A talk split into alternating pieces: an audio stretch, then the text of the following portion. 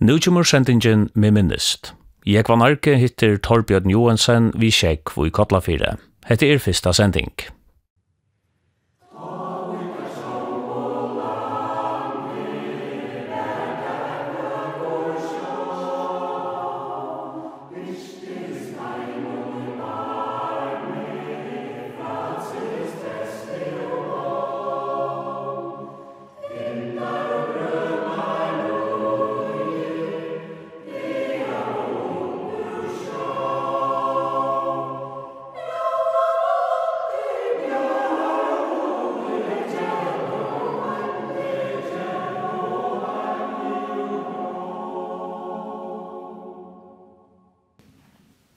I dag er vi tverren inna gulvet tja Torbjørn Johansen vi sjekk i Kotlafirren. Og Torbjørn, tu hever vært sjåmauer med i parten av Dunneluven, og tu pleier akvarien åre å være vi av sjåmanaturen som var gjørter av Østerlanden. Hvordan ber det til at du hever så stor en ahua for Østlanden? Ja, det kommer først og fremst at jeg, at jeg har silt nekva rivere, og jeg finnes nekva gamla viner rivere. Konan, hon blei uslansk. Ja, og mer og dame øyla vel her rivere. Jeg vil si at det er til næsta samme folk. Men vi tar øya nek fram om okkom. Men jeg hadde vidt er for forserer. Så jeg, det sagt, tar man ferast middelen tar tar samla upp på allt det gamla, gøyma det, og hava minner om allt, men det er ikke sjokken. Vi er forlika gildir, vi toksa mest bare om det som øyde kroner og øyder. Og ikke hette her, hva det øyde da. Mentan alia? Nei, det gløyma vi det. Men, så har vi alltid hørt til at tøyre Íslendarnir, ta er neien kanskje vær størst, hungri vær, så var det tør alt det betre vidt til mentene lia, tog at tør brukte kalvaskinnen til skriva, og, og tøy ringast av til tøy auto vidtøy. Så tør hava meira mentene så av uysar. Og jeg vet ikke, jeg halte at tøyr hava veri meira menta i menn enn vidtøy.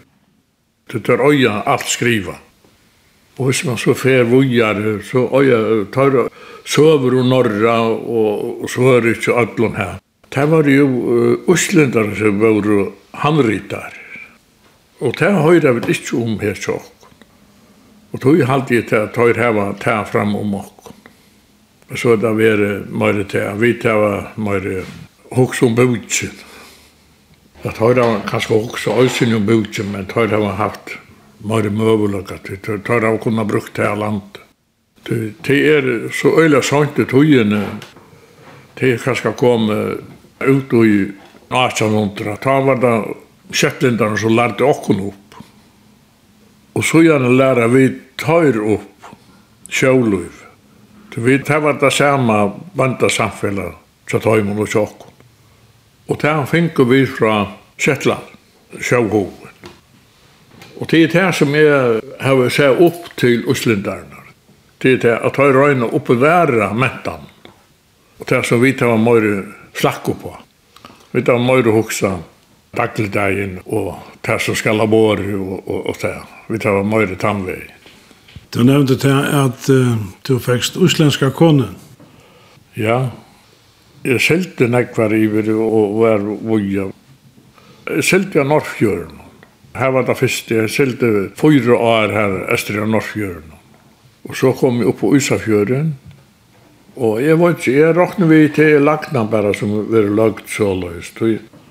Jeg skulle så heim, og jeg bestilte meg billett i Drottningen i heim, og var oppe i Ysafjøren, og jeg slapp i sjoer, tog flikkvaren, som han sier, han fikk maskinskei. så, så at jeg ble for sjøyner. Så leie jeg ikke uja for å sove. Så da jeg drottene ikke var ferden av Retsjavøk, så visste jeg til at jeg slapp ikke hjem før hun kom opp etter.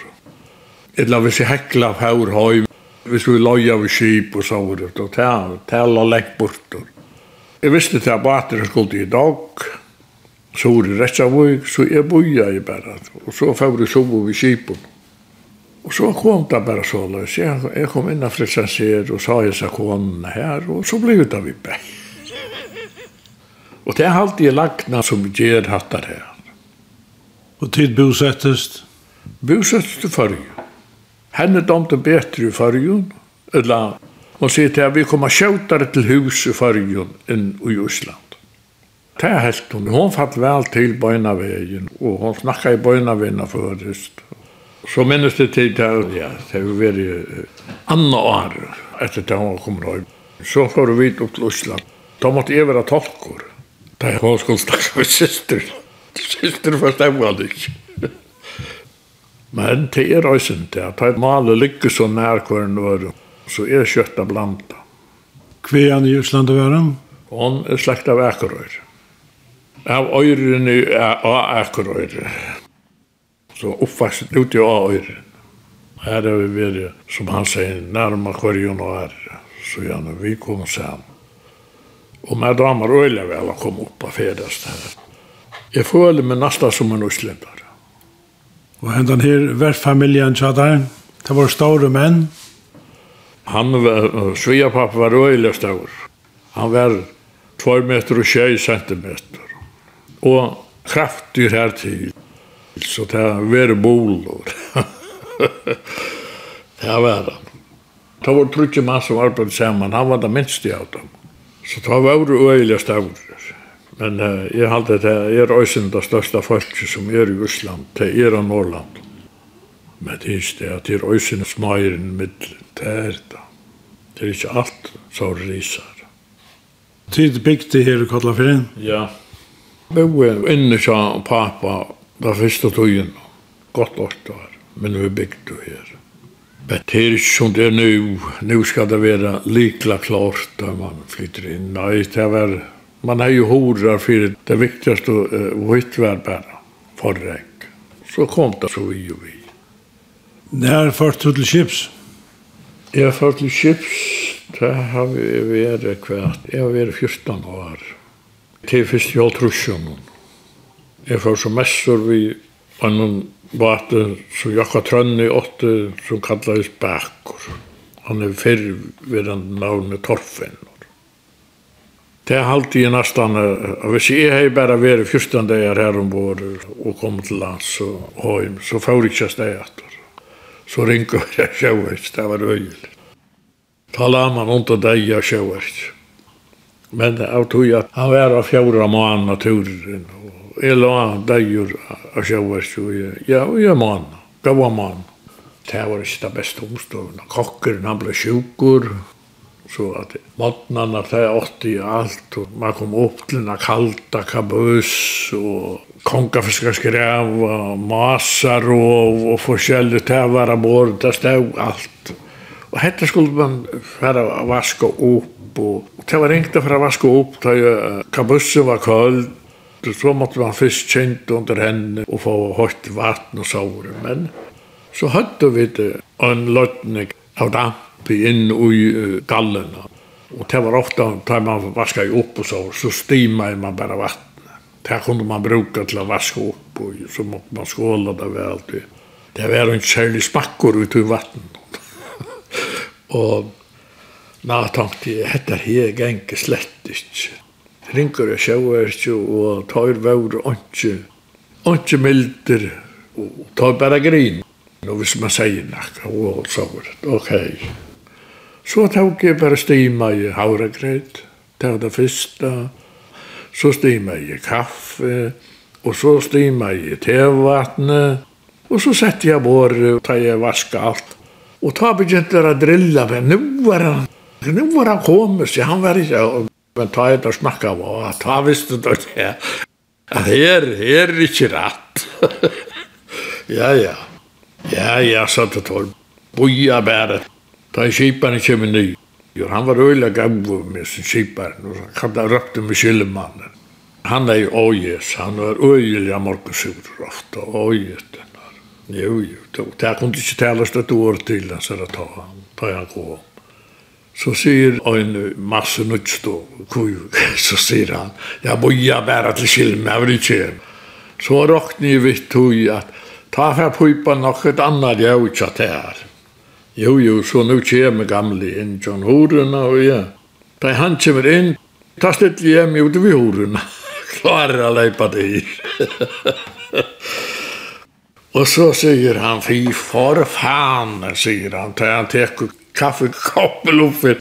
og så stöjter han till en skrällepös och så teker han den nästa till tevattnet. Nej, nej, nej, säger han. Så han leter i mass.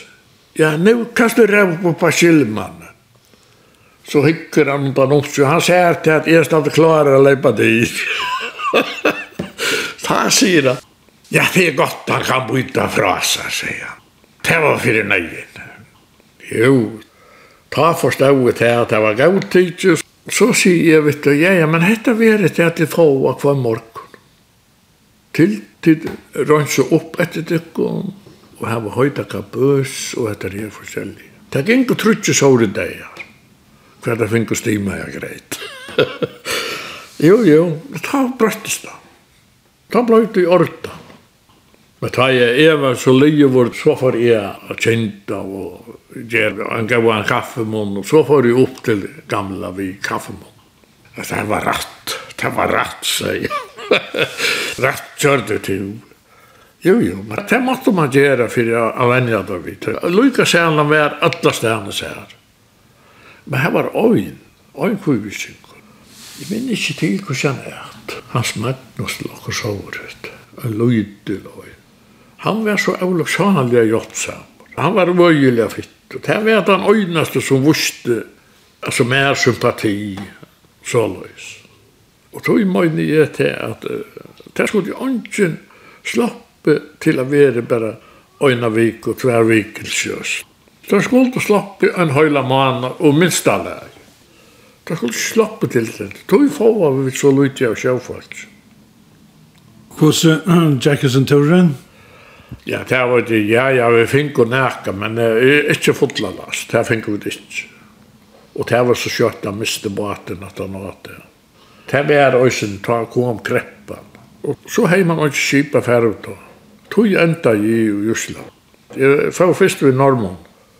Jeg var en tur i Grønlandet først, og så var jeg en tur under Russlandet. Og så var jeg silt under Fargen. Og det var bare så var jeg dankeskip. Men så i fyra alt hos, da, ja, da jeg kom heim av sånne her norska mat og fiska under Russland, da breide bøyen.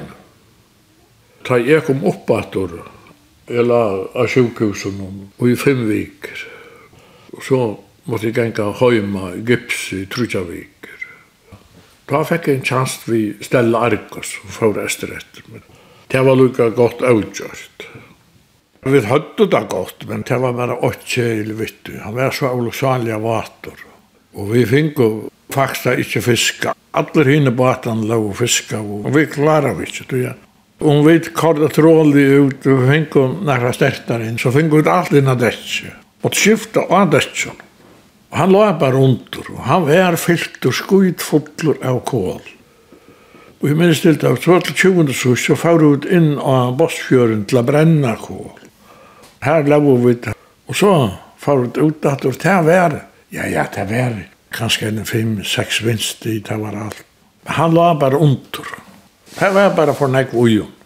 Vi vet du salt til fylla baten vi, og det var pikkel ut i hål som det begynte å salta ned i. Og hit, så måtte man litt trilla, eller dra ut av korv, tjøkna tunnel, under bokken, atra fyrplass, kål, Og så tar man ned tamt og kuppa, så han ble vaska og det han. Så at fakta finner vi ikke fiska, og særlig at det første tøyen. Tøy, at han var skutfull bater. Og jeg vet ikke, vi halte vi finner 45 tons.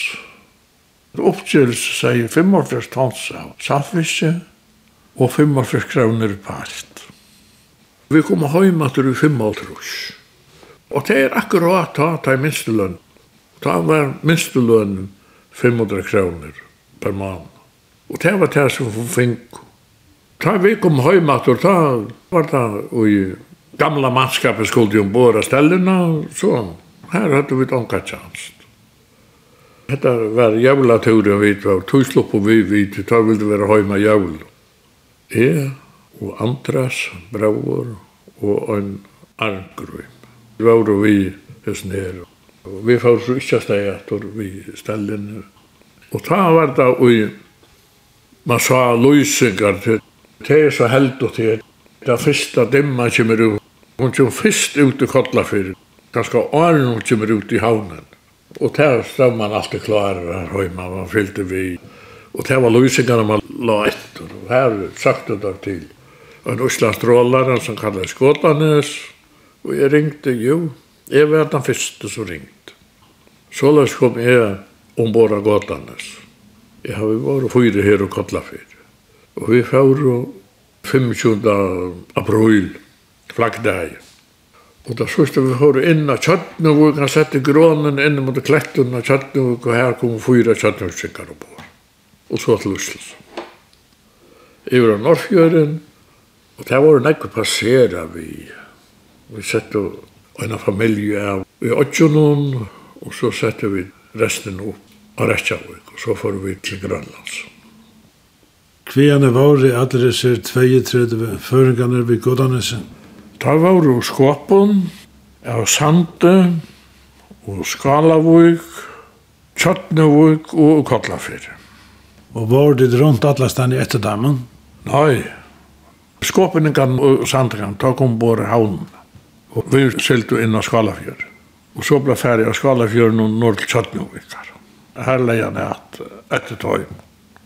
Ja, Rytevik, her har vi glom. Rytevik, hva var han ekfer. Niklas Petersen var øyn, og ålsenderen er Rytevik. Jeg minns til Sine Magnus. Den eldste son Magnus, han kallast Magnus. Og så var Karel, Vensel, og han kallast Arne. Det var den yngst av Rydersing. Jan Olsen, son Hendrik Rydevig, og Sofus, og så var det Torsa Diktus, Alcaraz Jakko, og Svenning, og så var det Torsa, jeg halte han kallet Lias. Per Rydevig, Per Olsen, han kjøpte seg etter navnet Gullklett. Han var bodde til, han var formaver her i veien og nere Kodlafyr. Her hadde vi det øyla godt forhold til middeltøy. Det var en naturliga fytte med det må jeg si. Og så var det vi i skiftene mittelen, føringene og islendingene? Det var øyla gav. Alle var det som øyn, og øyn som alle. Godt forståelse mittelen. Det tar det være føringer ombord her, Aren Øysen. Det var min første tur. Så tar vi komma kappan, ta ble dalt ut, hva det hver skulle gjøre, og jeg var yngste med våre kjipen, og jeg var sett i Vassepavn. Og det er dumt om man ikke, men det, man må bare takke vitt ut det man fikk. Men det er fikk ut øysen jeg vidt på en av veiene. Ja, vi gjør det tvær turer til saltfisk, og så ble vi isfiskur, og så var det at jeg skulle hava 14 mann Så vi var 32 mann som var føringar. Og da jeg kom til Øysfiske, da skulle det bare ha 14 føringar. Her visste man til at her hei man onka tjanst. Man var yngstur og at det her, og, og alle var ulvar. Og, og øynasta vær her, det var til hvis man kunde kappa seg opp til okkur sovet. Og ja, ja, jeg må si at jeg var steg heldig. Og at han som stod ævende i vakten som jeg var. Jeg var ikke, han er kanskje klar klara trutja mans, det er han klara, men kanskje det. Men, og han ble sett til ævende til film, så jeg, jeg ble raptur av hjelpen om ævende. Jeg var bare til øyne vakten og i paunen. Det tar i vakten var ly og så raupa kiparen, jeg skulle komme opp og snakka vi. Jo, sier det, var gammel og tar han sig om här, det är inte dama bättre att slå på av. Jag säger, jo, det är hemma dama näck bättre. Ja, ja, men så tackar vi till skifta in mannen in i paunen, och så tog jag av det. Jo, jo, det är väl för som är av det. Men jag fick öjliga vår jobb från Östländaren, han lärde mig väl, han säger att skolan ska du inte av det. Men av det nyra skottet. Nej, nej, säger han. Du ska ta fram av vajrena av det. Jeg sier så, jeg lærte ikke noe. Nei, nei, nei, han skulle lære meg hvordan han skulle gjøre. Jo, jo, og det var nek lattar. Og som han sier, det var ikke som hefte fyrir. Jeg stod jaunan og jeg var der til seks manns. Og jeg visste det, at det var det øyneste man kunne, det var det røyna være en ordentlig ulver. Og ønsken, ønsken av kipen og klare jeg var det, det som jeg var det. Så det er hele velfyr. Så var det til at da vi selte høym den 17. tur. Så da ble skriva liste og hava sett i messina. Hvar er tar 14 skal du være? Jo, jo. Jeg vil ikke omgå hitje på han. Til jeg rakna i vyen skuffe, så du vil ikke lista. Men jeg forstår til at jeg er kanskje okkur positiv. Til alle klappa av meg som grivil, til at du er i listan. Ja, la bæra som var. Så spurte de meg, ikke i veri, og hukk den høys i. At det her, at det kom til sust. Jo, jo, ta jeg ta for hitja, ta stav i ovastor. Ta er hukk etter hver i vauru bestir. Og det var det tar vil dra. Og øyla fytte menn av er i middelen, og, og man heier det som ui brittlup. Det var strevet, det var det avloksalige strevet, men allukkavel, det måtte man takka høysen. Fiskeskapet var holdt holka. Jeg hadde fyrsta turen, ta var det 15 dager fra tog vi kastav til vi silte høym stans av salvis. Vi halde det var nekka iver 60 dager da sånn turen. Og så ble ferdig til Ísland, uisfisk. Vesterhælan begynte vi, og så fiska vi og Alta Norrbank her i Eskrænlandis, og kongafisk. Da var så øyelig kongafisk. Men det ble øysen jo. Så at, det er veri alla tøyen. Hvor så langt var det vi i Godanes? Jeg var i 55, 56, og så skiftet jeg i seks 56 om heste. Jeg hadde vært i novembermannen, da jeg for høym, til da skulle jo bare gjerper. Så jeg for høym da, og, og, og bodjan min var andre bodjan, men han fikk skeia da. Han ble hivet av inn i golkan og, og knuste fingrene til høsten. Han ble sendt hjem og han tjekk i nok så langt at han var det. Men Niklas ble vår han var vi og, og siste mann han kjørken. Det var jo nekve kofferingar ta vi i Gåtanes. Ta kom heim lukka fyrir jævul og ta skutta steg etter, etter nutjar og så kom Gåtanes heim etter. Og det minnes det jeg for ut til Abba, og en moslum, hun var gift for vagi, hun var ut til Abba. Så for jeg ut, det var føtlestavur til henne, og da jeg for ut etter, jeg synes ikke til at det er ikke rett. Da man kommer ut av linebrekken og kallar her, eller ut i Hammerum. Da sa jeg, det var ikke rett, ljøsen hun her sover av flesjum da jeg kom inn ut av Tottenhus, da sette der akkurat av Tausa Radio, da hørte jeg til at da var han ferna land. Etter jeg er om nødtjøtøyen om kvalt. Og ta raupa tar, la ta vil du hava nekva smabatar til her fyrir at det blei styttri a dreia. Det raukur hei finnst fast og Og ta blei så det fløtja. Du tar måtte dreia alla grøynar, sa rautju ombord, og så måtte jeg dreie, jeg halte det var, da brukte stålen til han, Vesterhavn Bluja. Så han ble drevet, du ble ut av støvlen, så alle lunsje. Og hette her, han strandar om nødvendig tøyne kvalt, og jeg fåre så sove på en av en av vi, åtta mann affæren og tjokken. Ja, ja, det var, det var en rævlig sjøvn og sånt, Og jeg minnes alltid til det, vi lov til å takke ta knekka ja.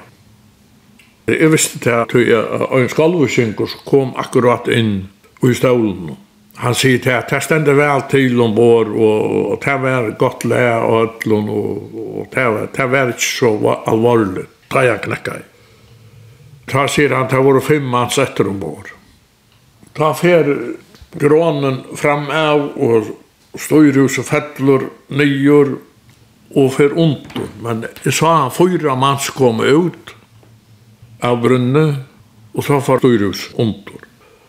Og jeg vet, det var nok så ondalt at han lykka som uh, grånen drau av, og så drau Støyrhus i oppator.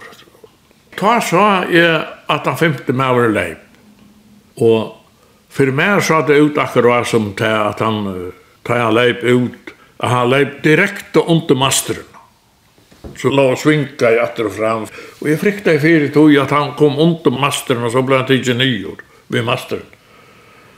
Men det sa ut så at et brått kom og tonta masteren, og tog han han fjord av toppen og sendte han til vestrett. Her var ikke så fyllt, han fjord vest, og lykka vestur mot vestastu fles, og øynom topp.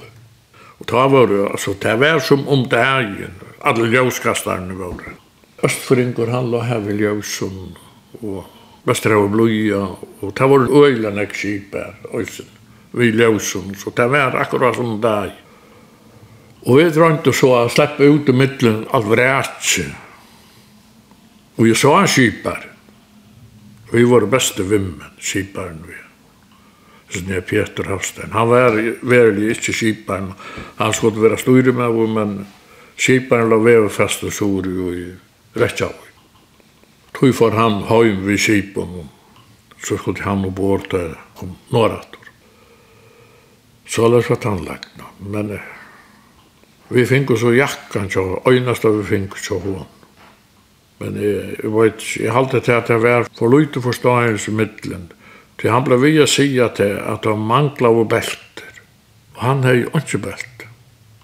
Til det alle kom inn av brunna, satt og ta jeg for lute av belt, det var nek belter av brunna. Men det er ikke til alt mannskap. Så at, jeg var ikke kujit, da er ikke lagde beltet færre ut at vi stålen, da det var tekner.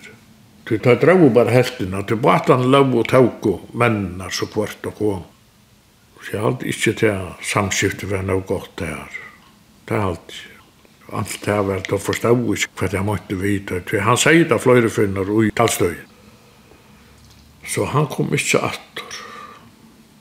Det han hei en aboi. Og boien har og vidt. Men her var han ikke med over i boien. Han var øysene ved Eilreia, ta i hans. Og han var fyrste maur i stålen av Eilreia som ble tidsi sjøveis. Tui han var styrmet det er jobbet til øre styrmannen å være første maur i stålen. Prøva. Han prøva kanin. Her var han fyrstur og her var han søster. Så la vi sjekk til han, ja. Du vart færen av gåtanese ta, stått framan undan, og skulle vi enn nødgjum baden. Ja, og jeg skulle vi hjelper. Har det vært nere, Birgir, han var bortse til hentan her som var skipar i av Gotanest. Da Kjerpe kom inn 14. januar, som hei stranda i 2. januar. Og han kom omkant tog ut, han helsen nere i kameran alla tøyina, men vi var her i fargen. Bridger, han ville ikke komme inn. Så det har vært hardt sjån. Du har nevnt Peter Hafstein, og så badjansara Birger, Silde du saman med Bautamon? Ja, jeg silde saman med Bautamon. Ta i byrkje for land, ta i Jesper skulle komme, så får han nye vi kiparen til å fylja vi. Og Peter kom ta som styrer av vi Godanes. Ta sørste tøyen jeg silde av da var Peter styrer meg. Så kom jeg å kjenne Peter, annars er han silt ærestannes. Birgir, han ble satt en kipare i Jesper? Ja, ta jeg Inga Vop. Djerper var siste skipet til Skalaberg, som kom øysene til Kjølbro. Da. Og det var bare ta måneden av Djerper og Skalaberg. Djerper hei ankelta brygg, og henne hei dobla brygg. Det var bare ta måneden. Hver får de å fiske vi honom? Vi fiskar under Russland. Et Norrland og Hæland og her, men jeg vet ikke, det er ikke Det var ikke det samme suksessen av honom som vi Gåtanes. Han fiskar ikke så godt vi motortrålar. Jeg vet ikke, det er råkne vi til motorer. Hvis vi vet at det råkne alt om til åkken til feskanfisk, så hadde vi vært ablakonkeren ta. Jeg hadde vært annar eller tre. Beste båter ta i Osland. Hvor båter var det? Gåtanes. Det er samme kiparen. Så den lå ikke så vel fire tjån og vi motortrollaren. Men det er satt da ikke det at motortrollaren fink ikke så vel av fiske som hinner. Men vi fink var så fotland til saltfisken i Grønland, tvær turer, det fink vi. Og det er det sørste året jeg var her ester, det var vi Gjerper i Åttaltrus. Det er fra Øysafjøren og i 9 vi i Øysborg. Tid var det en tur vi Øsborg i Jammermanna og Nudjaltrus. Ja, det var den første turen. Altså vi får. Vi får opp i Sjauborg. Og da vi kom om av Øsafjøren, da skulle Sjauborg litt og et dag, minst et dag, Aren, og han får sted. Men vi gikk direkte ombord i Øsborg, og han la klarer da vi kom. Kom ombord, så ble det ost, og det var direkte til jo fullas. Men av til vi sykla for boi, og her var ein rettjøkabater, jeg minns til hva han kallet. Han fikk sånn ekva fisk her, og vi kasta oss. Det gikk ikke særlig, bare skratt, og ta det jo han råpar og kunne si til vi tåa for kjertan vi. At vi kunne bare tåa den øyna vei, Til etla for trål i fyllen. Og så hossa vi dom og, og tåa og ta veien. Jo, jo, ta tjekta for vi finner nekva fisk. Og ta er det ötnen kjemmer i vår. Ta ble så ikkje færre til Newfoundlands. Ta ble lagt bakk. Vi la oss og bakk her. Og jeg sier ötnen. Ta er hårdt og så neikattle fra Asetoft og, og det, men vi var så lengt vekk fra. Og så var bateren fattelig, nakkan lengt nyer, og så ville han vinna han oppater, og han han så var styrmöver här, han uh, vinter får det bara och så ber han uh, om några omträningar att träff för att vinna upp på jat vintern. Och han fick en i vår hal. Det var olycksaligt. Han är var för och faltest att som var en tändstickare som förast det. Og han la skjerflater. Vi låg åtta mans i en lokal. Den fremsta lokalen her, åtta mans. Og som han sa, det var et øyvera valdur og skrampul. Til han var kommet og lytja så lov han skjerflat. Pura, pura slatt. Da leter vi Janus i bindebøkjene. Han var attastur ui bakbor. Da leter øynast og året man hård. Da nu kjemer han ikkje oppator. Og så, så var det så stilt som ui grøven. Enn a gaua tog, og så, kom gamle rikkande spekelig opp at det var alle sjøvd, da jeg var kommet så fratt opp han sleppa seg opp og vet hva som var det var. men det var en øyelig alt han var øyelig alt holdt Olof Sal. Og han skrapna jo framman inn i vattankammar og det ble bare sjekk for å drekke at han hadde det Og så var dette kjettelvattnet, det som jeg ble til stima vi. det, det var ikke selv. Nei, nei, vi gjør det så tur her. Og da var det og det stod så illa til vi alle baten som var. Og kjerpe var ved til Newfoundland. Og han knuste alt innan brunn. Ta vi Birgit Kipar. Så sier Birgit, ja, ja. Han hei onkan hoa færa høy vända attor. Det här han inte ut till. Han visste att jag kom han hem så blev bara attor sältor. Så helt han bara att han kunde halta chipser av.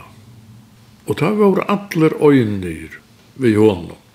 At han skulle halta avfram. Vi kjørt en, en megnartur. Så det behilte bare at det nakket rett. Og hvordan var vi utspørg? Hvordan gikk han turen? Jo, det gikk kampelig til åkken. Uisborg var også nok så gav. Jeg halte det allukka, man domte bedre Uisborg enn Gåtanes. Jeg halte det han var ikke så lyner i kongen som Gåtanes. Om man var løtter Ørvesen, det er råkni bare vi. Til Gåtanes, han hei til affære øyla lengt, særlig at det er undergång. Men det var ikke i Uisborg. Og han fag ikke så løys. Det var bedre bater i så maten. Og til fisk av hamplet? Ja, ja, vi fisk av hamplet. Det er ikke hamplet jeg godt så. Og så selte jeg i Øysborgen til jeg var under Kjoltrus til sommeret. Da er det jeg møtte Dauro, og jeg får så opp etter Øysafjøren, etter Aula Søko. Og jeg, mener ikke var ikke å sette farger. Vi skulle til Tyskland og selge da under Kjoltrus. Det var sørst i Arnum. Vi skulle nyra selja, og så skulle vi direkte atle til Oslo. Men av tog at um, det var et dessfall. Johan Pauli, son han i husen. Han døy, og Abbasoneren han var vi okko, vi Ísborgs. Tog sette vi da farger, og tog fyrir vi det av føringarnir. Da fyrir bare Oslindaren nye.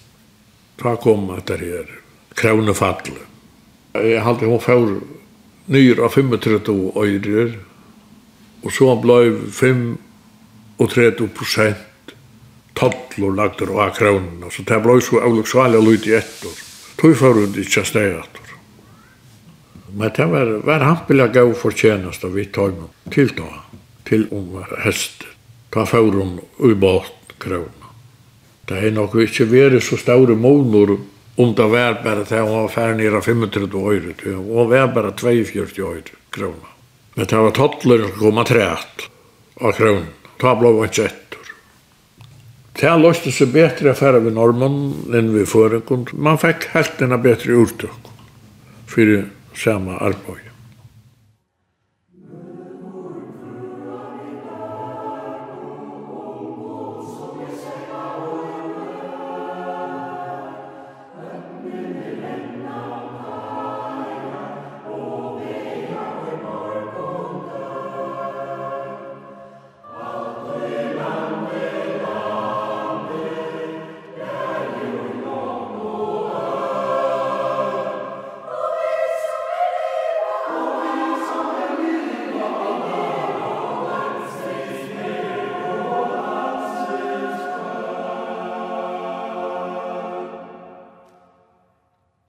Hatta vær med minnist.